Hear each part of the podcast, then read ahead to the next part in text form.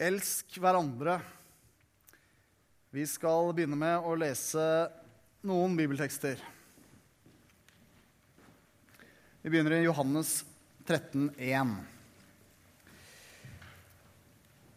Det var like før påskehøytiden, og Jesus visste at hans time var kommet da han skulle gå bort fra denne verden og til sin far. Han hadde elsket sine egne som var i verden, og han elsket dem helt til det siste. De holdt måltid. Djevelen hadde alt gitt Judas, sønn av Iskariot, den tanken i hjertet at han skulle forråde ham. Jesus visste at far hadde gitt alt i hans hånd, og at han var utgått fra Gud og gikk til Gud. Da reiser Jesus seg fra måltidet, legger av seg kappen, tar et linklede og binder det om seg. Så heller han vann i et fat og begynner å vaske disiplenes føtter og tørke dem med linkledet som han hadde rundt livet. Så hopper vi over en del vers, og så går vi til vers 34. Et nytt bud gir jeg dere. Dere skal elske hverandre. Som jeg har elsket dere, skal dere elske hverandre. Ved dette skal alle forstå at dere er mine disipler, at dere har kjærlighet til hverandre. Så hopper vi videre helt fram til Johannes 15. Vi er i vers 12. De sitter fortsatt ved bordet. Og dette er mitt bud. Dere skal elske hverandre som jeg har elsket dere. Og noen vers til. Dette er mitt bud til dere. Elsk hverandre.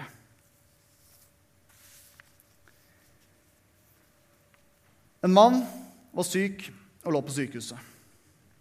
Hans kone ble tatt til side av eh, legen. Eh, og legen fortalte at mannen var alvorlig syk, og at, han, at livet kunne, kunne, altså han kunne miste livet, men det var til å redde. Men det ville kreve veldig mye av henne. Altså, mannen din kommer til å trenge en helt spesiell diett, og den må du lage til han tre ganger om dagen hver eneste dag.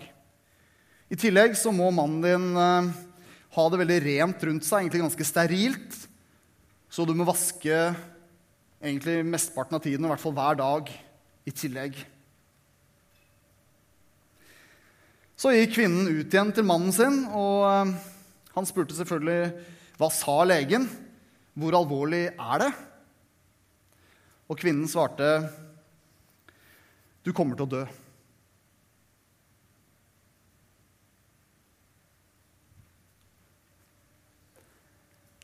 Jeg gjør ikke det der. Jeg gjør det ikke. Jeg gjør ikke det. Nei, det gjør jeg ikke.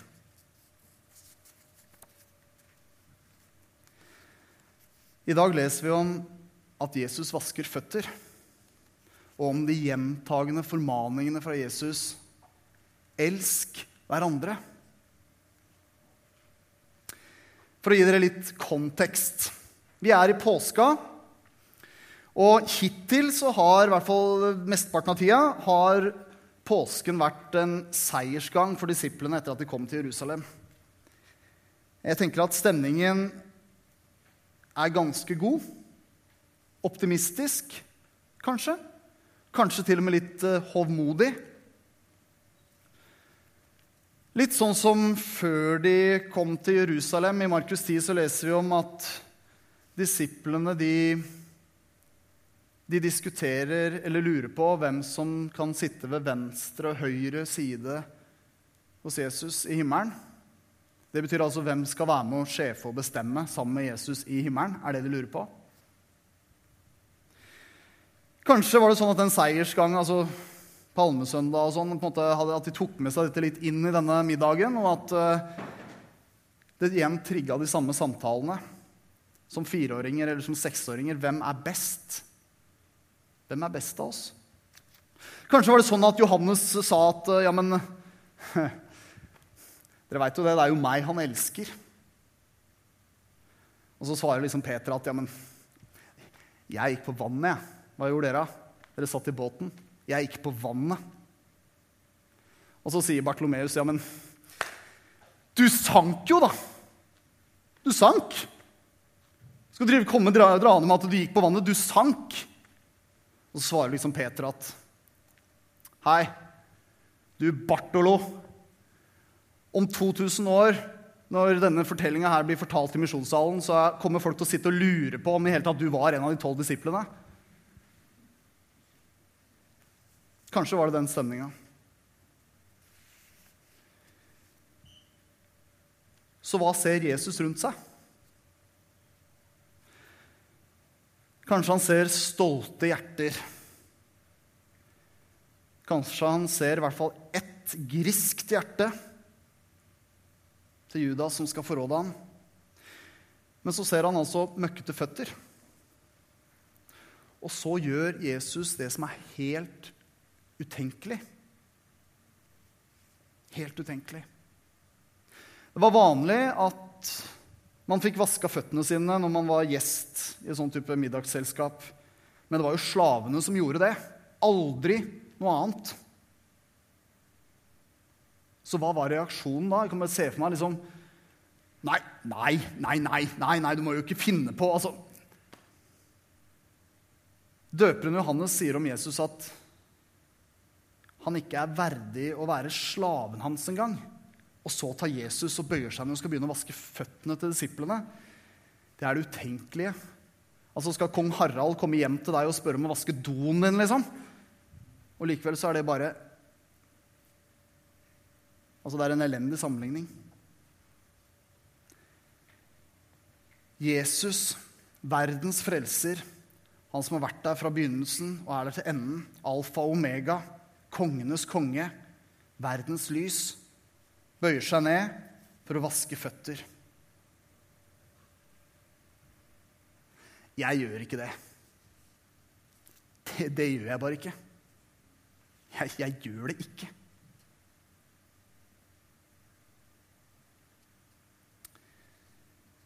Jesus sier, som vi leser i teksten i dag, elsk hverandre. Men først så viser han hva det er å elske. Hva gjør jeg når jeg ser et behov som jeg kan møte? En full søppelkasse et eller annet sted i misjonssalen. En person som trenger en samtale, kanskje trenger forbønn. Behovet på søndagsskolen for flere som har søndagsskole. Eller naboens hekk som er forvokst og ja, ikke ser ut. Jeg gjør ikke det. Det gjør jeg ikke. Jeg har ikke tid. Eh, jeg er for viktig. Jeg er for travel. Jeg er pastor. Eller jeg er lovsangsleder. Jeg er i hvert fall viktig. Og jeg er ikke den barberte samaritan. Eller kan jeg be? Når jeg ser et behov som jeg kan møte, kan jeg da be Er det et oppdrag fra deg? Er det et oppdrag som du har til meg? Kan jeg be om å få øyer som ser, ører som hører, et hjerte som bryr seg? Når jeg ser en søppelbøtte Jeg kan gjøre det. I dag er jeg søppeltømmer. Eller en som trenger en samtale. Jeg kan gjøre det. I dag er jeg en som lytter. Eller behovet på søndagsskolen. Jeg kan gjøre det. I dag er jeg søndags... Jeg er verdens beste søndagsskolelærer. Eller naboens forvokste hekk. Jeg kan gjøre det. I dag er jeg hekkeklipper. Så kan det jo hende, da, om jeg ber denne bønnen, at kanskje til og med kan jeg vaske føtter. Men da er det jo greit å ha liksom, denne her med seg. da. Som liksom, hvis jeg skal ned her og Nei, det ble feil vei. Nå fikk jeg ikke bare filma i taket. Sånn. At jeg faktisk får liksom får det med at jeg har vaska føtter. Og faktisk kan dele det med noen. Eller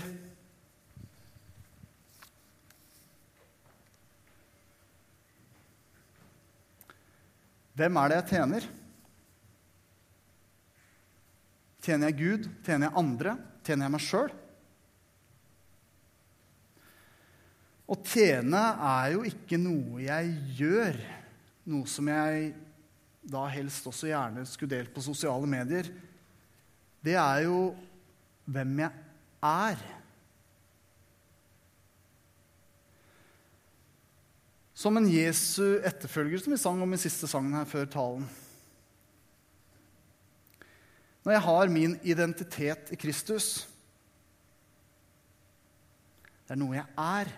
Og det er fordi at jeg vet at om jeg velsigner noen, om jeg hjelper noen, om jeg dekker et behov som jeg ser, så kan det ha effekt langt utover. Langt utover den handlingen. Det er en mentalitet, en holdning. Det er den vi er. Elsk hverandre, tjen hverandre. Vår Kristus-identitet. Men hva er det så å elske? Elsk hverandre, ja, det er klissete. Hva betyr det? Vi har noen fine vers i 1. Korinterbrev 13 alle som har gifta seg, har hatt disse versene i bryllupet sitt, antar jeg. Eh, vi hadde i hvert fall det.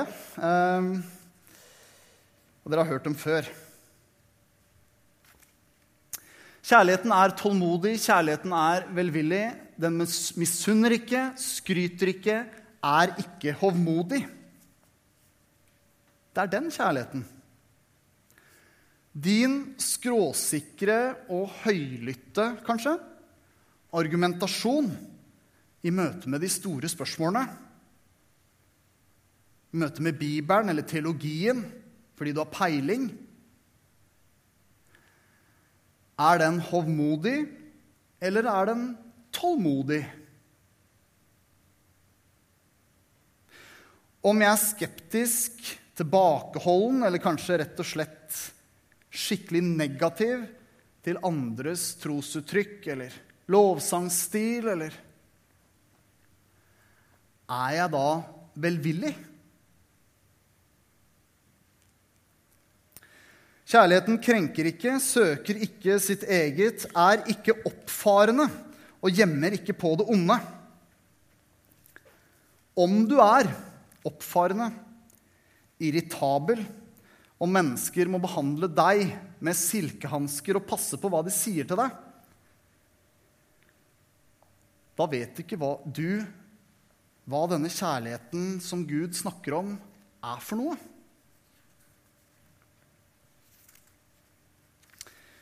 Kanskje er det noen her som trenger å be om tilgivelse. Er det noen jeg har krenka? I min iver etter å gi mine tilbakemeldinger eller hevde mine meninger? Jeg gjør ikke det. Det gjør jeg ikke. Jeg gjør det ikke. Eller jo, jeg kan gjøre det. I dag er jeg en ydmyk Jesus-etterfølger.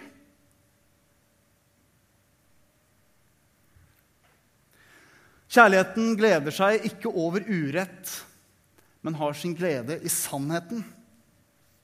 Denne kjærligheten er aldri glad når noen faller. Om det er noen vi ikke liker. Tenker vi sånn? Eller tenker vi det var det jeg visste? Det er jo sånn det går når du tar sånne valg. Eller dette her gir jo meg, meg, en mulighet til å skinne. Eller kanskje ta en eller annen stige, nei, et eller annet trinn, et eller annet steg på en eller annen stige.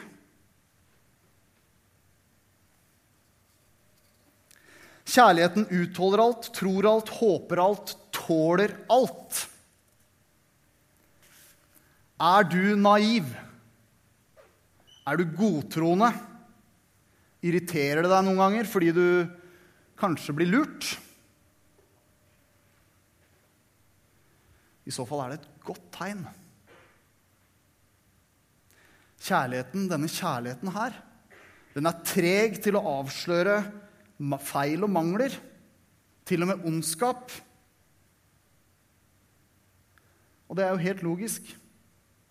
For med den kjærligheten her så er jo fokuset et helt annet sted.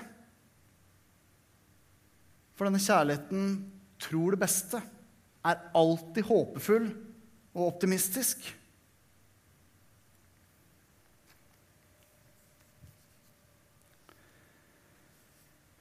Et nytt bud gir jeg dere. Dere skal elske hverandre. Som jeg har elsket dere, skal dere elske hverandre.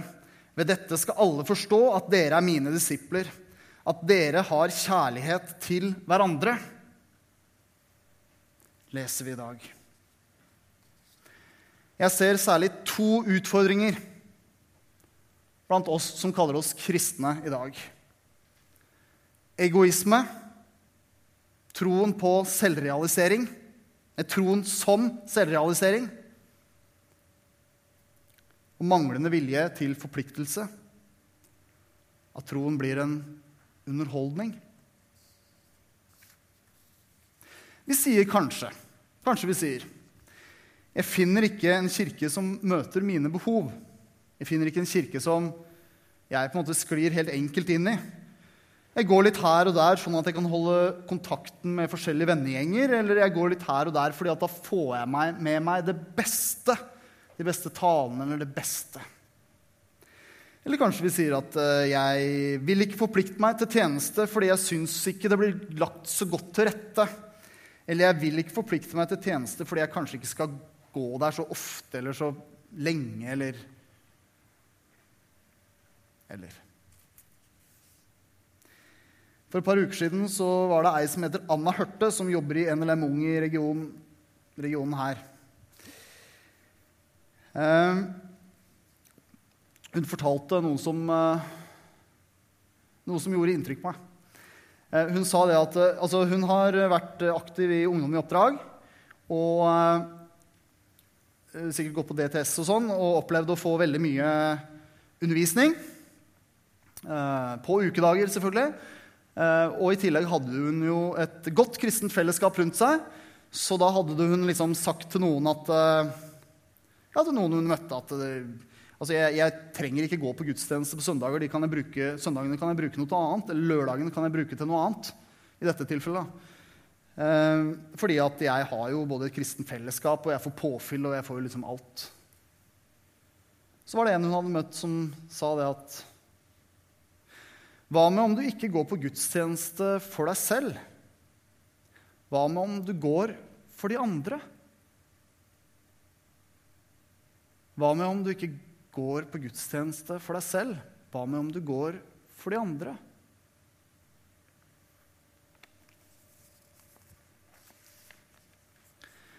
Folkens, vi er ikke spirituelle consumers.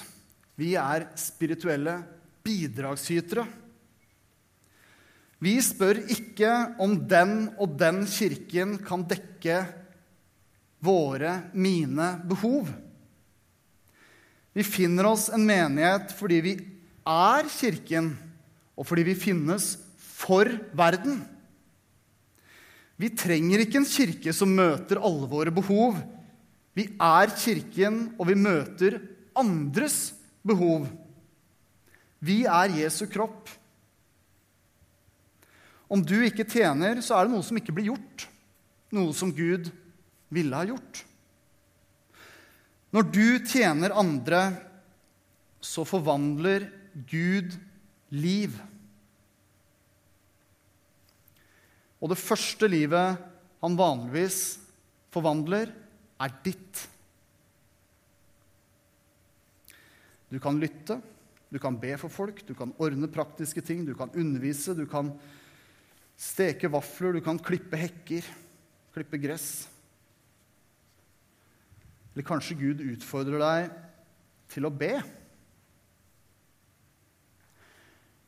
Og så du som trodde at du var en lærer eller en sykepleier eller noe Nei, plutselig så er, en, er du en hemmelig bønnesuperagent som er plassert av Gud der hvor du er.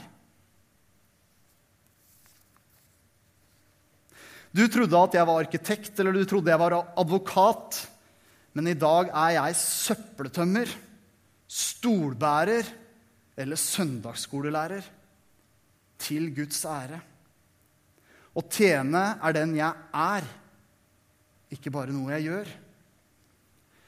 Vi hadde en sånn tjenesteaksjon her for et par uker siden. hvis dere var her da. Og nå kan du jo mistenke at dette her på en måte er en del to av den. Det er det ikke. Dette er noe helt annet. Dette handler om noe helt annet. Dette handler om hvordan ditt liv forvandler seg når du ser utover deg sjøl. Vil du ha et bedre ekteskap? Tjen den du er gift med. Vil du ha bedre vennskap? Tjen vennene dine. Vil du forvandle klassen din arbeidsplassen din, blokka di. Tjen menneskene der. Vil du forvandle menigheten din? Tjen menigheten din. Vil du forvandle ditt forhold til Gud? Tjen Gud, gjør hans arbeid. Be, hva kan jeg gjøre for deg, Gud? Jesus kom ikke for at andre skulle tjene ham, men for å tjene andre. Og han sier, 'Dere skal elske hverandre som jeg har elsket dere'. Jesus så stolte hjerter og skitne føtter og begynte å vaske. Han gjorde det.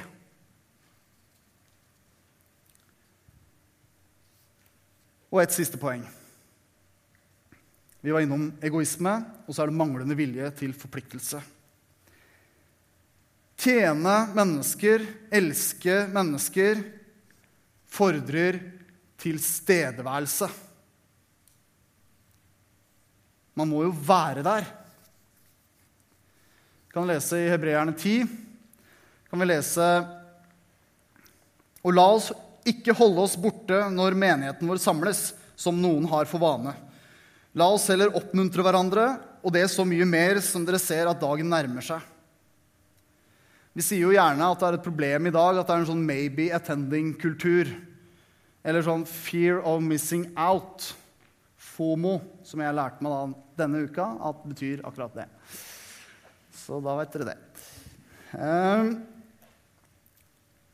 tilstedeværelse betyr noe. Det er noe annet om noen setter seg ned og ber sammen med deg, eller om de, enn om de slenger ut 'Jeg skal be for deg'. Det er noe annet å faktisk sitte i samme rom og ha en samtale med noen istedenfor å chatte med noen. Det er noe annet å bare liksom ha en vag tanke om at nei, nå skal jeg tenke på et eller annet som kan uh, kan gjøre, eller kan uttrykke at jeg elsker menigheten min, eller jeg elsker mennesker i menigheten min, eller, eller, i byen min, eller et eller annet. Og det å sette seg ned sammen med mennesker og finne ut hvordan man skal gjøre det, og så gå og gjøre det. Tilstedeværelse. I USA så er det gjort en eh, undersøkelse om eh, hvor ofte folk som går i kirka, faktisk går i kirka. Eh, og det viser seg at det er ca. én gang i måneden. Og hvis det gjelder her, eller gjelder i Oslo eller i Norge, eller i hvert fall hvis det gjelder her, da, for å ta her, så veit ikke jeg helt hva jeg skal gjøre med det. Én time, eller én time og et kvarter, ligger vi kanskje an til å bruke i dag, i måneden Vi bruker kanskje én time jeg vet ikke hvordan det er med deg, men en time på sosiale medier, eller to timer på en serie, eller tre timer på en film, eller omvendt, kanskje. Tre timer på en serie, to timer på en film. I løpet av en dag. Jeg vet ikke hvordan vi som menighet skal være med på å forvandle livet ditt hvis du er her én gang i måneden? Det veit jeg ikke. Gud kan gjøre det. Men jeg veit ikke hvordan vi som menighet skal gjøre det. Og så er det jo sånn, Nå, skal, nå driver jeg liksom og sier dette til dere, dere som faktisk er her. Sånn at det, beklager det i så fall. Men, og jeg kan forstå hvorfor det kan bli sjelden. Vi er travle. Det er mange ting. Prioriter. Vil du ha det beste, må du prioritere det beste. Hva er troen for deg? Hvem er Jesus for deg? Vi har alle talene våre i misjonssalen som podkast. Men kirke er noe mer enn podkast.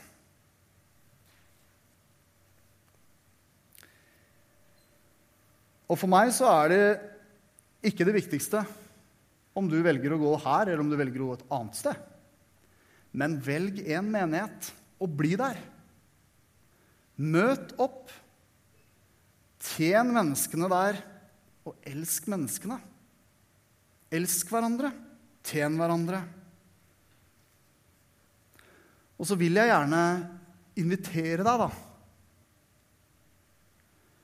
Hvis det er første gang du er her, eller du har vært her noen få ganger, og du vil ha et hjem, så vil jeg jo gjerne invitere deg hit. Og hvis du har gått her noen ganger, eller kanskje faktisk ganske lenge, og fremdeles opplever at du er gjest her når du kommer hit på lørdag eller søndag,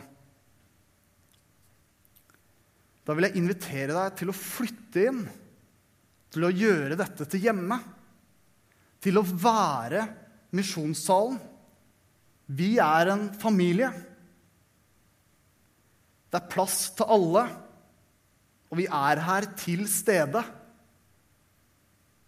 Vi elsker hverandre, og vi tjener hverandre. Johannes 15. Og dette er mitt bud. Dere skal elske hverandre som jeg har elsket dere. Jeg kan gjøre det, og du kan gjøre det ved Den hellige ånd. Vi ber.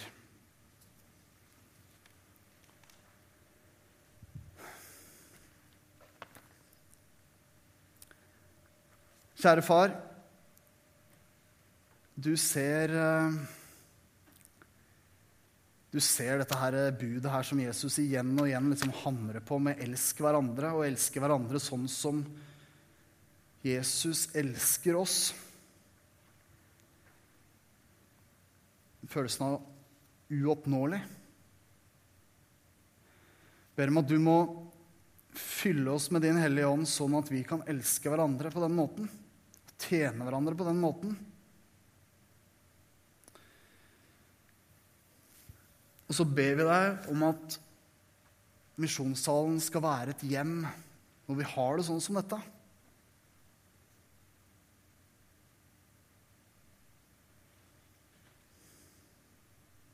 Ber om at du må komme med din tilstedeværelse.